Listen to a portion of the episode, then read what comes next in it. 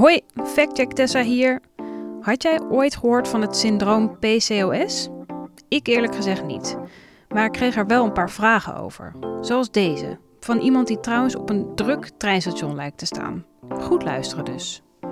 Hoi Trace, ik had een vraag.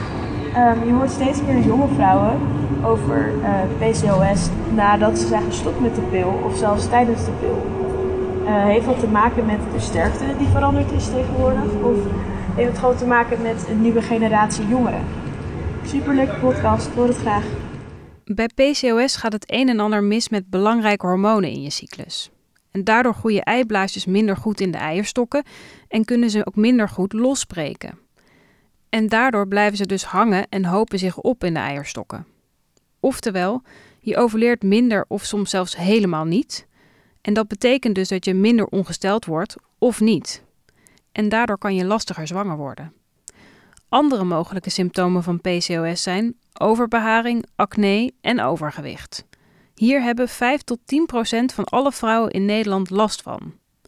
Wil je meer weten over hoe dat dan werkt? Kijk dan even in het i'tje. Daar staat een link naar meer uitleg.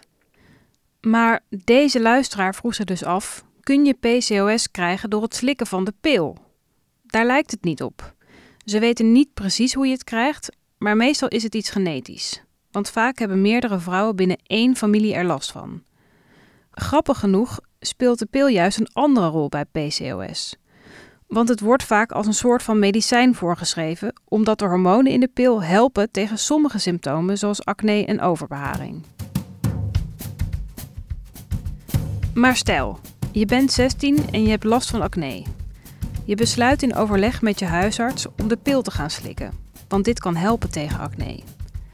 Vervolgens slik je hem tot je dertigste en stop je omdat je graag kinderen wilt krijgen. En dan blijkt die acne geen symptoom van je puberteit te zijn, maar van PCOS. Al die jaren heeft de pil de symptomen van dit syndroom onderdrukt. Je wordt zogenaamd ongesteld, je weet wel, die onttrekkingsbloeding. En je hebt dus niet door dat je het echt misschien wel heel weinig ongesteld bent. Heel vervelend als je graag kinderen wilt. Maar goed, je kunt PCOS dus niet door de pil krijgen. Maar misschien kom je er pas achter als je met de pil stopt.